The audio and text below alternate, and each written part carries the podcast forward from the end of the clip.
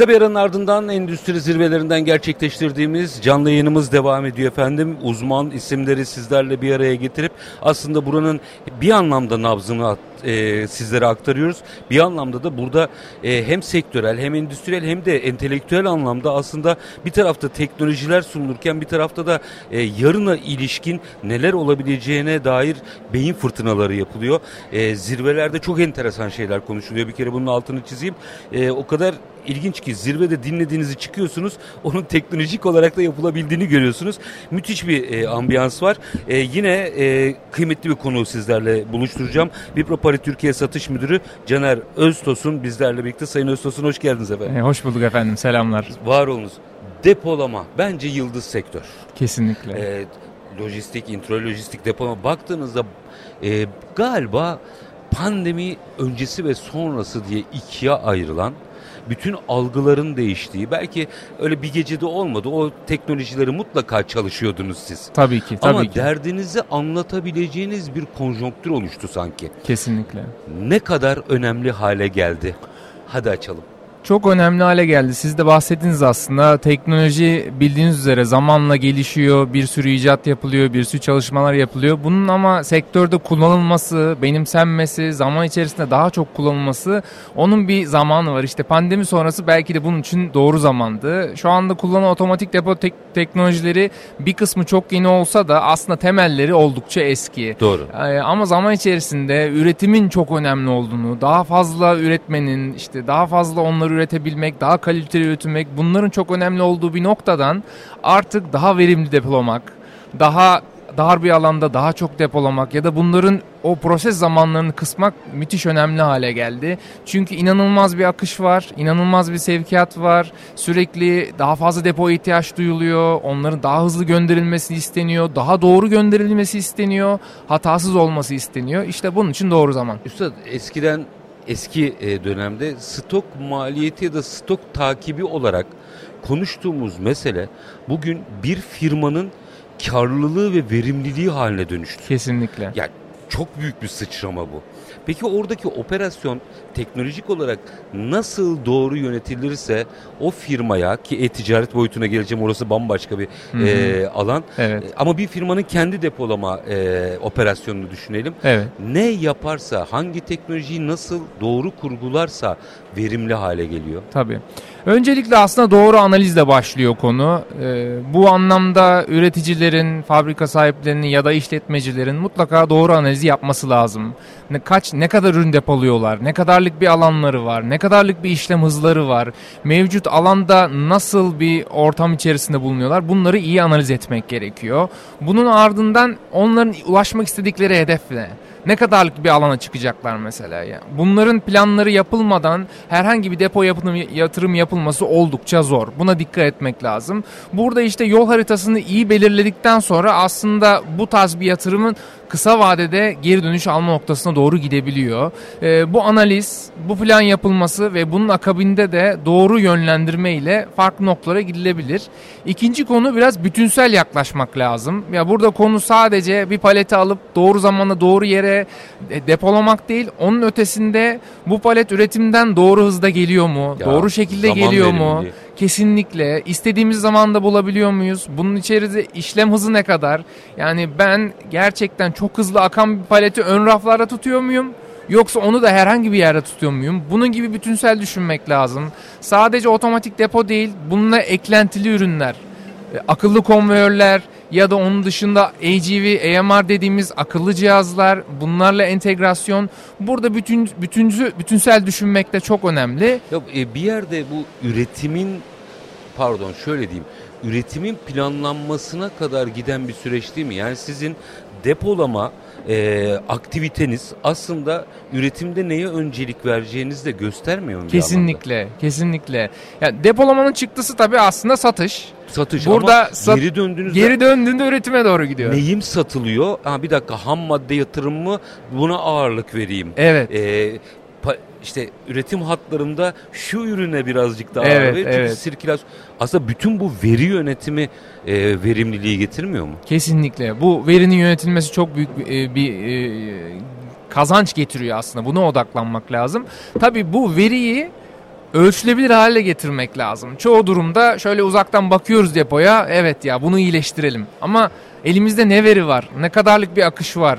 İşte ABC analizleri, hangi üründen ne kadarlık sirkülasyon var? Hangisi çok geç gidiyor? Hangisi daha hızlı gidiyor? Bunu gibi konuların daha ölçülebilir hale getirilmesi lazım. Tabii bu da iyi endüstri mühendisleri, zaman analizlerini, bununla ilgili e, güzel topluluklar oluşturabilecek insanlarla olması gerekiyor. Bu da oldukça önemli. Galiba orada da yazılım, robotik vesaire bütün bu argümanlar yani o endüstri mühendislerinin tasarım için kullandığı e, teknolojiler de önemli hale geliyor galiba. Evet, evet kesinlikle. Onların görselleşmesi, bunların o meşhur büyük ekranlardaki o güzel pasta Simüle diyagramlarıyla edilmesi. simüle edilmesi, bunun doğru analiz edilmesi bunlar kritik hale geliyor.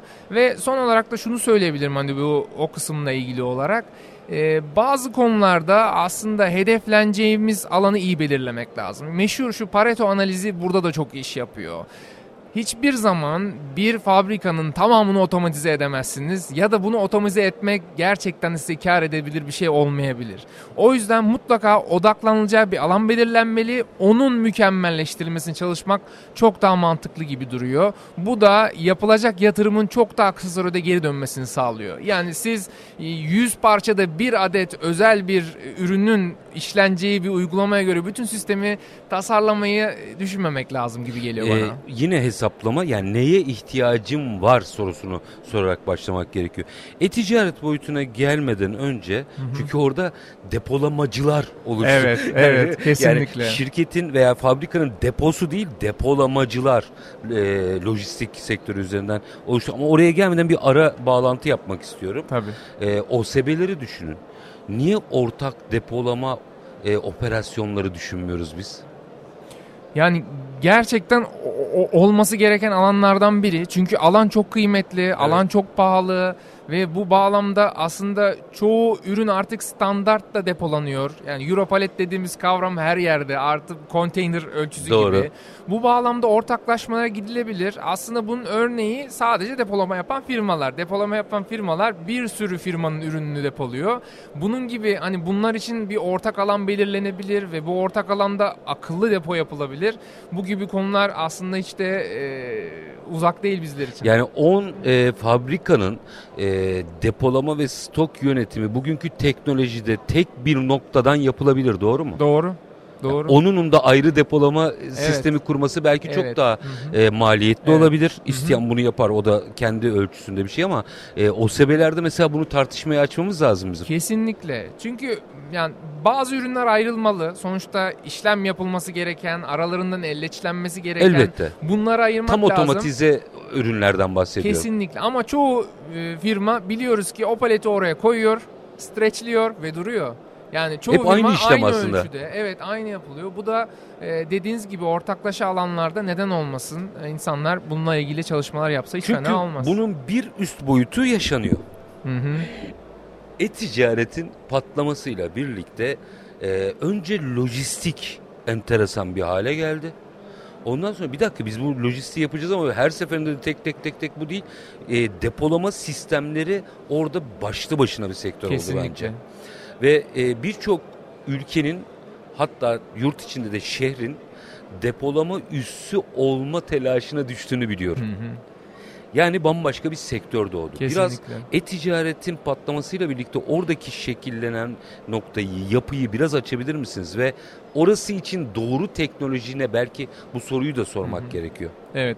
Şimdi tabii e-ticaret biraz daha farklı bir alan. B2C'ye yani, giriyor çünkü o. Evet kesinlikle B2C'ye giriyor. Daha ufak paketler, daha fazla sayıda varyan, değişken yani. Ve bunların planlanması, programlanması, arka tarafta çalışan yazılım gerçekten çok karmaşık. Hız çok fazla ve buna özel çözümler daha hızlı olmalı, daha yalın olmalı, daha hafif olmalı, daha hızlı akan bantlar. Orada konu biraz daha hani çok yüksek depolar, büyük depolardan ziyade o geniş alandaki o karmaşıklığı yöneten akıllı sistemler. Bence orada biraz daha yazılımın mükemmel, mükemmelleşmesine doğru gitmek lazım. Ee, o konuda yeni yeni şeyler göreceğiz. Kameralar, onunla ilgili yapan sensörler, bunların daha böyle üst seviye hale gelmesi. Bunlarla beraber oradaki akış daha da hızlanacak ve oradaki o yani tekrar eden elleçleme işçiliği hani hani insanoğlunun o kıymetli işçiliğini aslında orada çok da e, katma değerli hale getiremiyoruz. Orada yapılan işlem belli oranda aynı şeyi tekrarlıyor. Bunun otomatik sistemlerle yapıldığı bir sistemle doğru gidecek e-ticarette de. Benim öyle bir öngörüm var açıkçası. Peki bu sektörü kendi içinde sorarsam rekabeti nasıl şekilleniyor? Valla rekabet hız üzerinde şekilleniyor. Ne kadar hızlı işlenirse, müşteri ne kadar hızlı ürün gönderilse, ne kadar hatasız gönderilirse. Çünkü yorumları görüyorsunuz bir sürü durumda. İşte benim paketim şöyle geldi, benim paketim zamanında gelmedi. O üründen önemli oldu açıkçası. Evet. Bu yüzden bence hızlı yapan, hatasız yapan çok daha önemli hale gelecek rekabetle beraber. Ama iyi yazılımları yapanlar da artık ön plana çıkacak. Esas yazılım değil mi zaten bu iş? E, evet esas yazılım ama bir üründe var o ürünü bizim doğru getirmemiz lazım. Yazılım diyoruz ama o müşterinin ne gelen paket gerçek dokunuyor ona. O patlak geliyor Tabii, mesela. Aynen öyle. Onun gibi. Orada ikisi bence çok güzel harmonize Onun olmuş da durumda. sensörlerle şunlarla bunlarla takip ediliyor tabii olması ki, lazım. Tabii ki edilmesi bu, lazım. Bu B2C tarafta. Evet. B2B tarafa döndüğümde oradaki operasyon biraz daha evet. e, hem daha bir bakıma daha kolay ama bir bakıma çok maliyetli. Hı-hı. Hata payının olmadığı bir alan. Kesinlikle. O tarafta doğru bir depolama stratejisi için bir firma açısından söylüyorum ben. Neye dikkat etmesi lazım? Ee, orada gerçekten doğru depolamada e, alanı maksimize etmek, doğru alana, doğru maliyette bir, doğru şekilde, doğru hızda çalışan bir ürüne yönelmek. Çünkü argümanlar da arttı. Yani illa bir depoya en yüksek teknolojideki bir sistemi oturtmak zorunda değilsiniz. İdeal. Alt bileşenleri de var. Bugün otomatik forkliftlerden bahsediyoruz. İşte bizim çok yoğunlaştığımız bu akıllı vinçlerden bahsediyoruz. Hmm. Bunları doğru harmonize etmek lazım. Her en üst seviye uygulama her depo için doğru olacak diye bir kavram yok. Burada gerçekten e, yapılan yatırım ve o yatırımın size olan çıktısı üzerinden gitmek lazım o depoyu yaparken. Akıllı vinç bir 2-3 dakika var ama bu sorunun yanıtını almak istiyorum. Akıllı vinçin öncesi ve sonrasını biraz anlatabilir misiniz? Neyi fark ettiriyor? Aslında orada gerçekten çok daha hızlı, hatasız ve ulaşılması çok zor olan yüksekliklerde kullanılabilen bir sisteme dönüşüyorsunuz. Normalde 10 metre bir depo yapıyorken bir anda 30'a çıkıyorsunuz ve aynı alanda kullandığınız, yükleyebildiğiniz palet miktarı artıyor. Bu gerçekten inanılmaz bir şey ve size ciddi anlamda hızlı geri dönüş sağlıyor. Hatasız gidiyor. istediği noktaya kırıp dökmeden oraya yerleştiriyor. Sonra çağırıyorsunuz önünüze getiriyor ve bunu her daim beklediğiniz hızda yapıyor. Aslında ha, akıllı vinç bu. Standart yapıyor bir de tabii. Ya kesinlikle. Bu arada dikine e, depolama galiba bu sayede birazcık daha arttı. Tabii ki. Tabii Çok ciddi ki bir yer kazancından evet. bahsediyoruz aslında. Evet. Daha öncesinde aslında bu biraz daha işte en iyi firmalar yapar bunu. İşte en e, kar eden firmalar yapar noktasındaydı ama gitgide artık benim depo maliyetim fazla. Ben bunu nasıl düşürebilirim diyen firmalar da yapıyor bu yatırımları. Yer bile şimdi gidiyorsunuz birçok OSB'de genişlemek isteyen firma var. Yeri yok. Hı hı. Çıkamıyor. Ama aslında siz dikey depolamayı kullanırsanız aslında makinelerinizin genişlemesi için yer bile açabiliyorsunuz. Ben bunu e, çarşamba günü sunumunda da bahsettim. Harikasınız. Kesinlikle. Ee, eğer üretim mesela bu da önemli sorulardan biri. Yeni üretim makinesi koyacak yere ihtiyacım var. O zaman depolamanı kısmanız lazım.